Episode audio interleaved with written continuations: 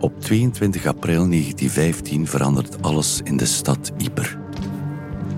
Op een bepaald moment in de valavond van 22 april 1915 kreeg ik een telefoon van mijn makker Lamour, die volledig in paniek was. Die zegt van, er komen hier giftige gassen mijn commandopost binnen.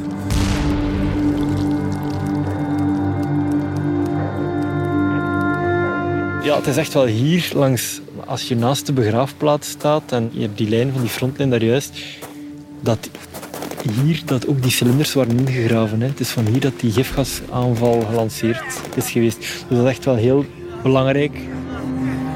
Voor het eerst in de geschiedenis wordt er een massavernietigingswapen gebruikt. Chloorgas. Gas. De hoos.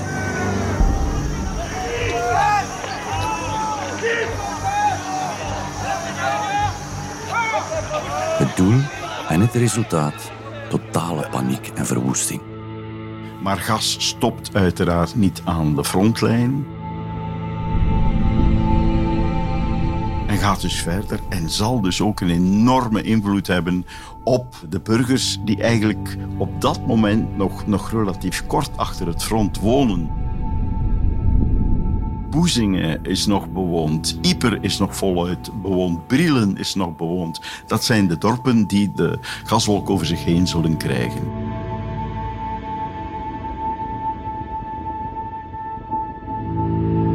De inwoners van Ypres worden geconfronteerd met chaos, terreur en verlies.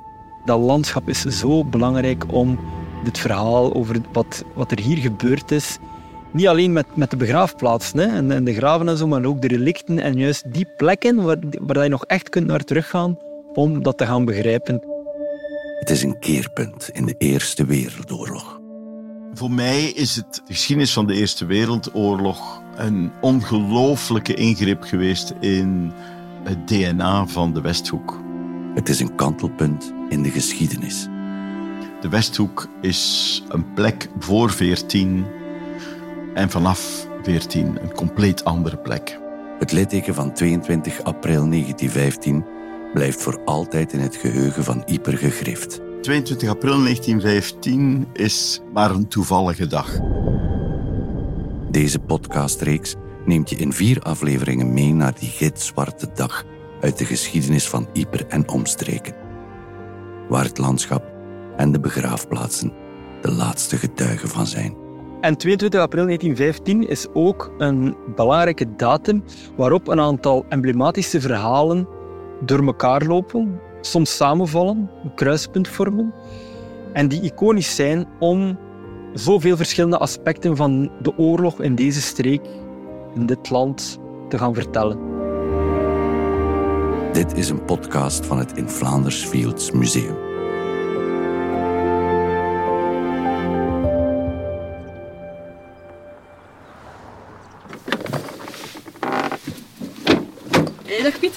Hey, dag Anne-Sophie, goedemorgen. Goedemorgen.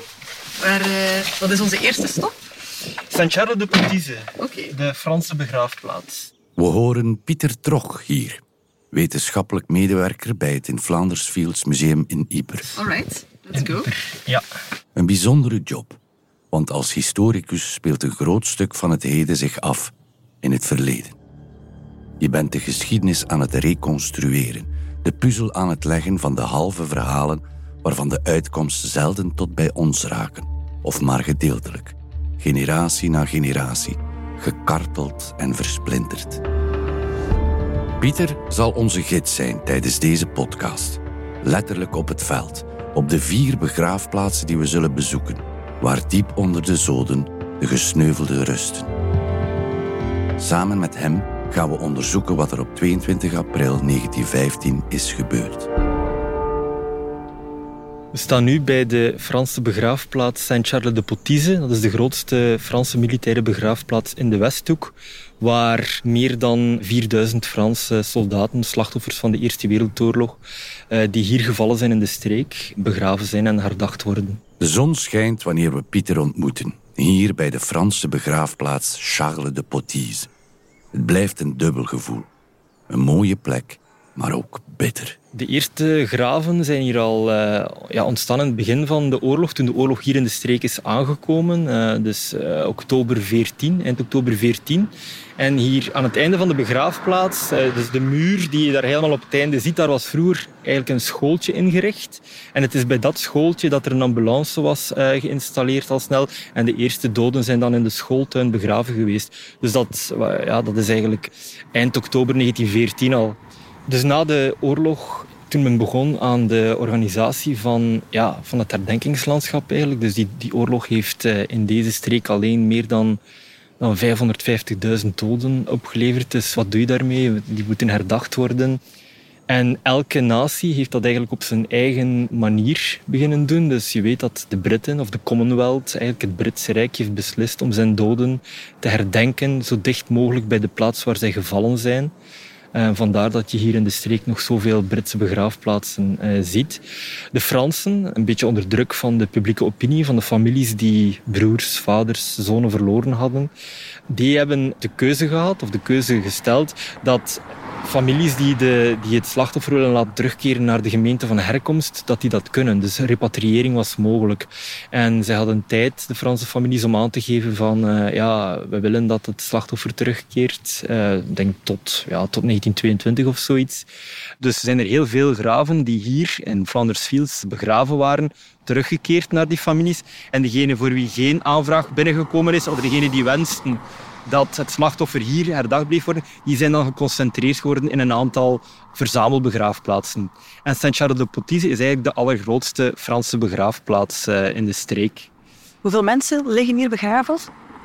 Geïdentificeerd en onder een grafkruis meer dan 3400. Maar dan achteraan de begraafplaats heb je nog een ossuaire, dus eigenlijk een, een, ja, een knekelhuis, uh, waar de resten van meer dan 600 niet geïdentificeerde Franse slachtoffers zijn samengebracht. Verspreid tussen een witte obelisk en een beeldhouwwerk in zwarte lijsteen staan honderden witte kruisjes op een smetteloos groen grasveld.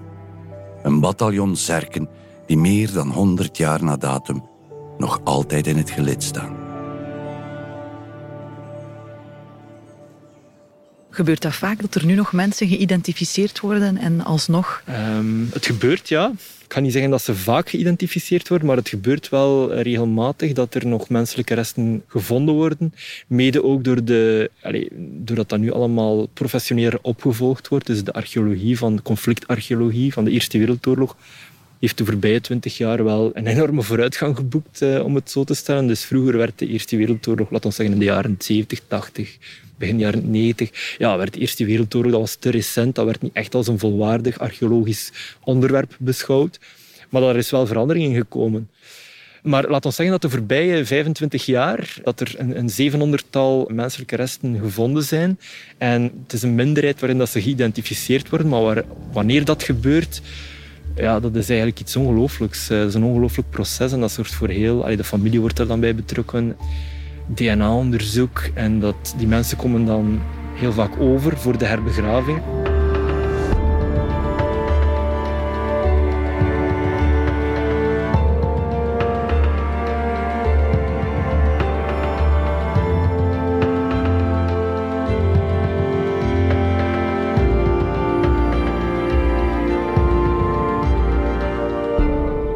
Georges Lamour was uh, de commandant van uh, het derde bataljon van het 73ste Territoriaal Infanterieregiment. De Franse uh, eenheid met voornamelijk troepen afkomstig uit Bretagne en Normandië. Vooral een beetje oudere mannen, een oudere lichting.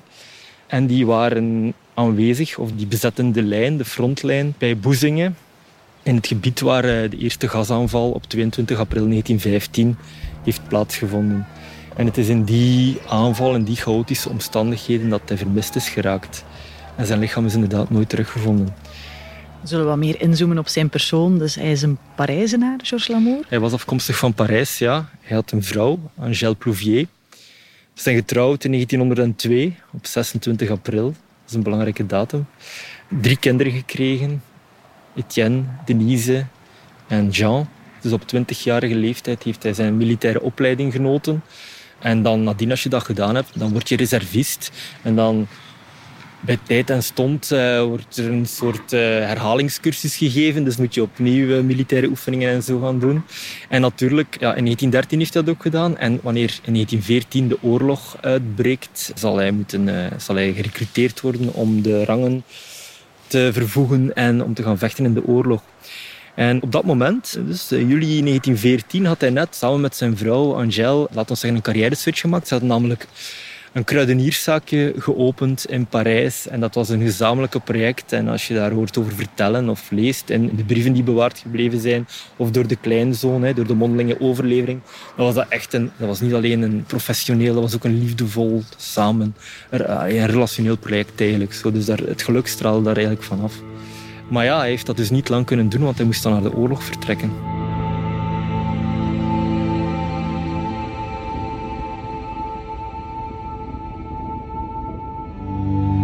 En komt eigenlijk in half oktober 1914 al aan uh, in de streek bij Yper. En het is in die context dat we Georges Lamour terugvinden eigenlijk met zijn eenheid. En hij maakt dus de eerste slag bij Yper uh, barst los rond 20 oktober ongeveer. En uh, eh, 20 oktober 1914. En ja, hij ondergaat al snel de ervaring van die eerste geïndustrialiseerde oorlog. Die oorlog is zo anders dan alle voorgaande oorlogen die er geweest zijn. De, de schaal van de artillerie, de kracht van de artillerie, de mitrailleurs.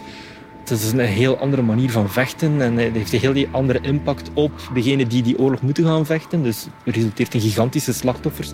Kijk rondom jou en, en je ziet uh, wat dat betekent. Men vraagt me om mijn laatste peloton. Ik stuur de eerste sectie voorop, luitenant Malinvaux, om de eerste compagnie te versterken en vertrek vervolgens zelf met de tweede sectie, adjunant Therese, richting Loopgraven. Ik slaag erin mijn mensen zonder verliezen te lijden ter plekke te krijgen en ik verneem dat luitenant Malinvaux gewond raakte toen een granaatkogel zijn rechterarm doorboorde.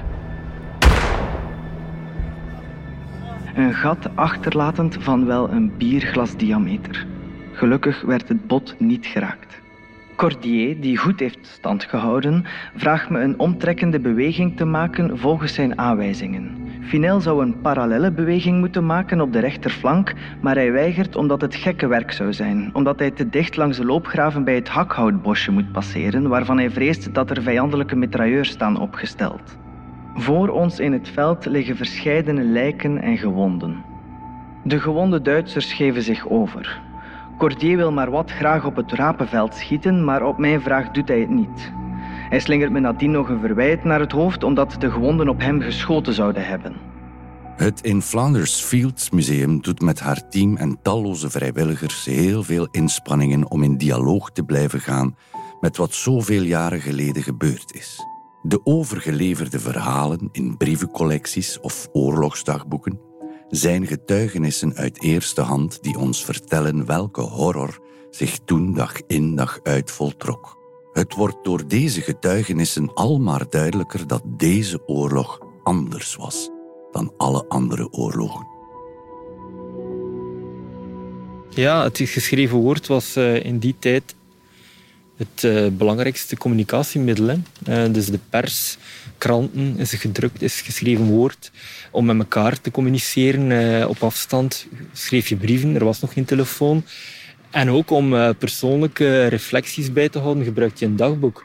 Het is ongelooflijk wat voor een, een geschreven erfenis die Eerste Wereldoorlog heeft voorgebracht. Nu is het heel opvallend dat die getuigenissen heel brede waaier kennen. Dat die gaan van ja, nauwelijks gestamelde en verstaanbare interviews van heel oude veteranen tot zeer eloquente, fantastische wereldliteratuur.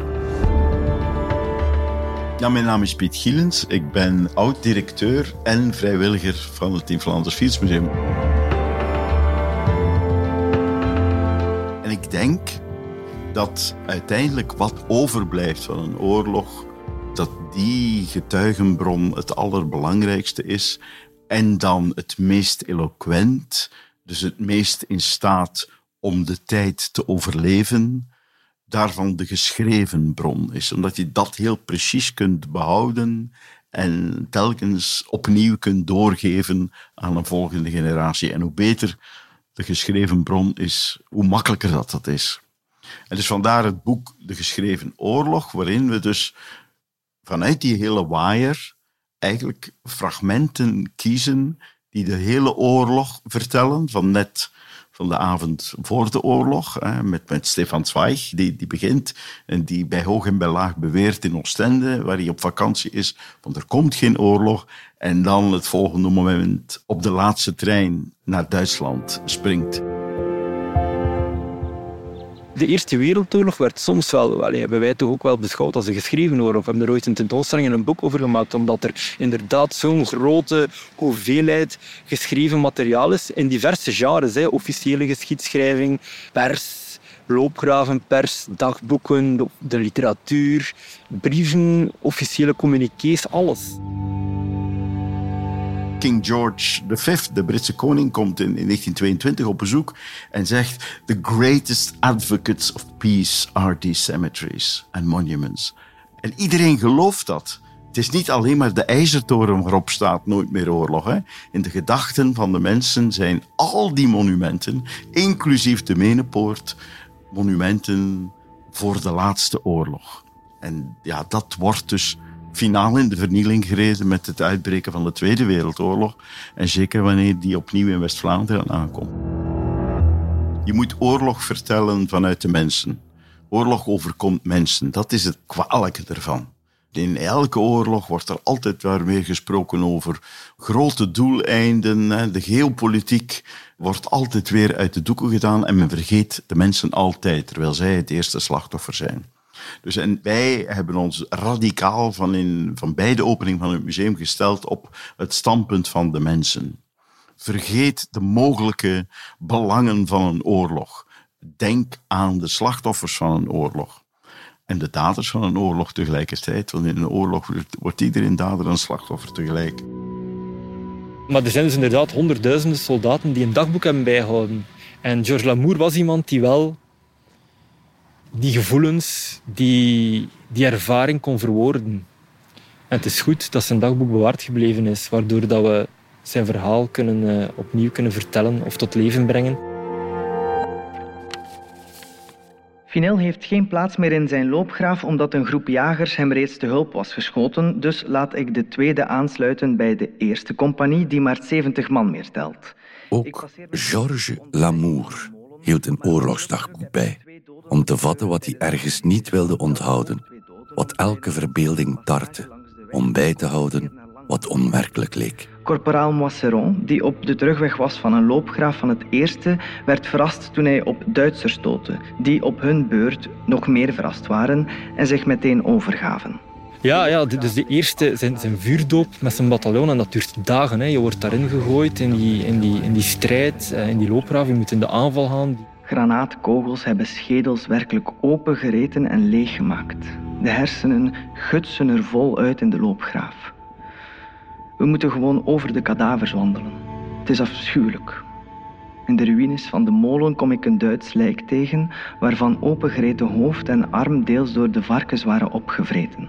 Granaten die om je heen slaan, wij kunnen ons dat echt niet voorstellen. Wij kunnen er alleen maar een indruk van krijgen door de getuigenis van de mensen die het echt meegemaakt hebben. Die zijn er nu niet meer, dus die kunnen het zelf niet meer navertellen. Maar in combinatie van de getuigenis waarover we, of de getuigenissen waarover we beschikken, kunnen we met die getuigenissen wel teruggaan naar het landschap en daar gaan ontdekken hoe het moet geweest zijn. Omdat er sommige plekken die ze beschrijven vandaag nog altijd min of meer exact hetzelfde uitzien. En waar je het verhaal opnieuw kan uh, tot leven brengen. Maar dus uh, inderdaad, in, in, in, op 5 november en de dagen die volgen, zit hij met zijn eenheid in het vuur van de strijd. En elke dag, hij, moet, dus hij is verantwoordelijk over, die, over dat bataljon. Elke dag vallen daar mensen weg bij bosjes. Mensen die hij gekend heeft, mensen waar hij de dag ervoor nog mee gesproken heeft. Mensen die misschien vrienden waren. Mensen die vrouw en kinderen hadden die de zoon van iemand waren. De gewonden huilen en klagen in de loopgraven. En het is onmogelijk voor de brancardiers om ze te evacueren. Een van de ongelukkigen, La Joie van het eerste, die om zes uur vanochtend gewond was geraakt, smeekte me iedere keer als ik passeerde of ik hem uit zijn lijden wilde verlossen. Maar aangezien de situatie zodanig gevaarlijk is, heb ik geen mogelijkheid om er zelfs maar bij stil te staan. De kadavers die hier in de buurt liggen, onbegraven, liggen daar al tien dagen, zijn helemaal zwart gekleurd en verspreiden een onuitstaanbare geur. Ik denk dat ik ondertussen alle verschrikkingen van de oorlog heb gezien. En dat staat zo in schril contrast met de brieven die hij schrijft naar Angèle Plouvier. Want dat is een pact dat ze eigenlijk met elkaar gesloten hebben toen hij vertrok naar de oorlog. Eind juli, begin augustus 1914, dat ze elkaar zouden schrijven. Dat ze contact zouden houden, dat ze elkaar zouden op die manier troosten. Dat is iets dat boven... Het is een, soort uh, houvast aan het normale leven. Die briefwisseling die hij met Angèle Plouvier uh, onderhoudt. Ja, ze schrijven echt tientallen brieven. Hè, en daarin gaat het over, hoe het gaat met de winkel, met de kinderen uh, op school, uh, het leven in Parijs.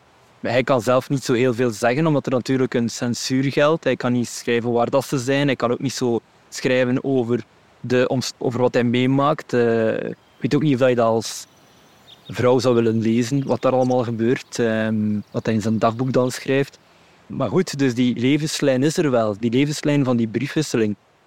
Dat is heel mooi en dat is heel goed dat, dat die briefwisseling bewaard gebleven is.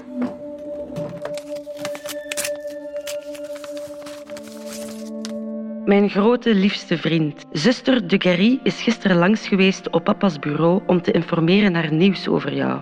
Omdat haar mama zich ongerust maakte. Ze heeft niets meer gehoord sinds de dertiende. En die tijd lijkt haar verschrikkelijk lang te zijn. Ik zal er morgen eens passeren, na het vertrek van de Malherose om haar een beetje gerust te stellen en haar een beetje van mijn hoop door te geven. Ik denk dat jij ook nog steeds alle vertrouwen hebt, omdat je weet dat ik jou niet vergeet, dat ik voor je bid, voor de bewonderenswaardige echtgenoot die jij bent, maar ook voor de bataljonscommandant op wiens schouders een grote verantwoordelijkheid rust. Ik ben er trouwens zeker van dat je jouw plicht deugdzaam vervult, volgens de mooie Franse traditie, en dat de kleine jongens hier trots op hun papa kunnen zijn. Ik praat niet over mijzelf. Ik ben gewoon zo gelukkig dat ik jou mag toebehoren. Ik moet je nu laten, mijn lieve kerel, terwijl ik je de meest liefkozende zoen toestuur. Zo eentje waar je gek op was en die een warm gevoel geeft. Jouw kleine alles, Angèle.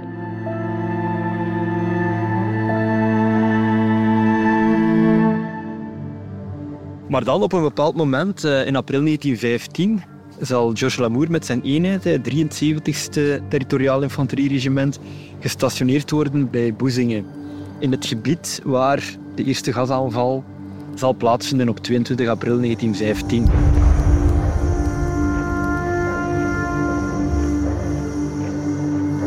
In de volgende aflevering. Dus op het moment dat die gifgaswolk in de richting van de Fransen komt uitgedreven, op een gunstige wind, zit Lamour in een commandopost een beetje achter de frontlijn.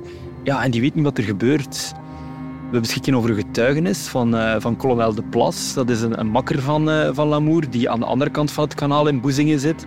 Die schrijft...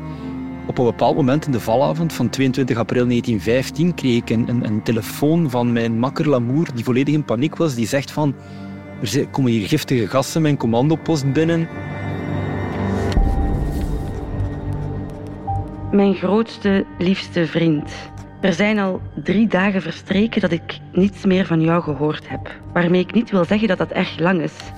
Ik heb immers beloofd om geduld te tonen, maar ik moet voortdurend aan jou denken. Aan jou en aan jullie allen, mijn arme knullen. Ik weet dat jullie op dit moment aan het vechten zijn, want gisteravond kreeg ik de officiële communiqués onder ogen die spraken over dat gifgas gebruikt zou zijn. Dat bezorgde me koude rillingen. Dat is geen oorlog meer, maar pure moord. Een onwaarschijnlijk eh, gegeven dat gewoon in een militair rapport staat. Maar van zo'n menselijkheid, want hij zegt: Ik moet s'nachts telkens weer denken aan die laatste woorden van, van commandant Lamour. En wij weten dus inmiddels dat Lamour vermist raakt op 22 april 1915. We weten exact waar hij zat. We weten dus dat hij geraakt wordt door die gasvol. En dat hij dus bij wijze van spreken het gas inhaleert terwijl hij met zijn overste aan de telefoon is. Deze podcast is een productie van het In Flanders Fields Museum en is een onderdeel van de tijdelijke tentoonstelling Forevermore. Ontdek meer info via www.inflandersfields.be. Alle credits voor deze aflevering vindt u in de show notes.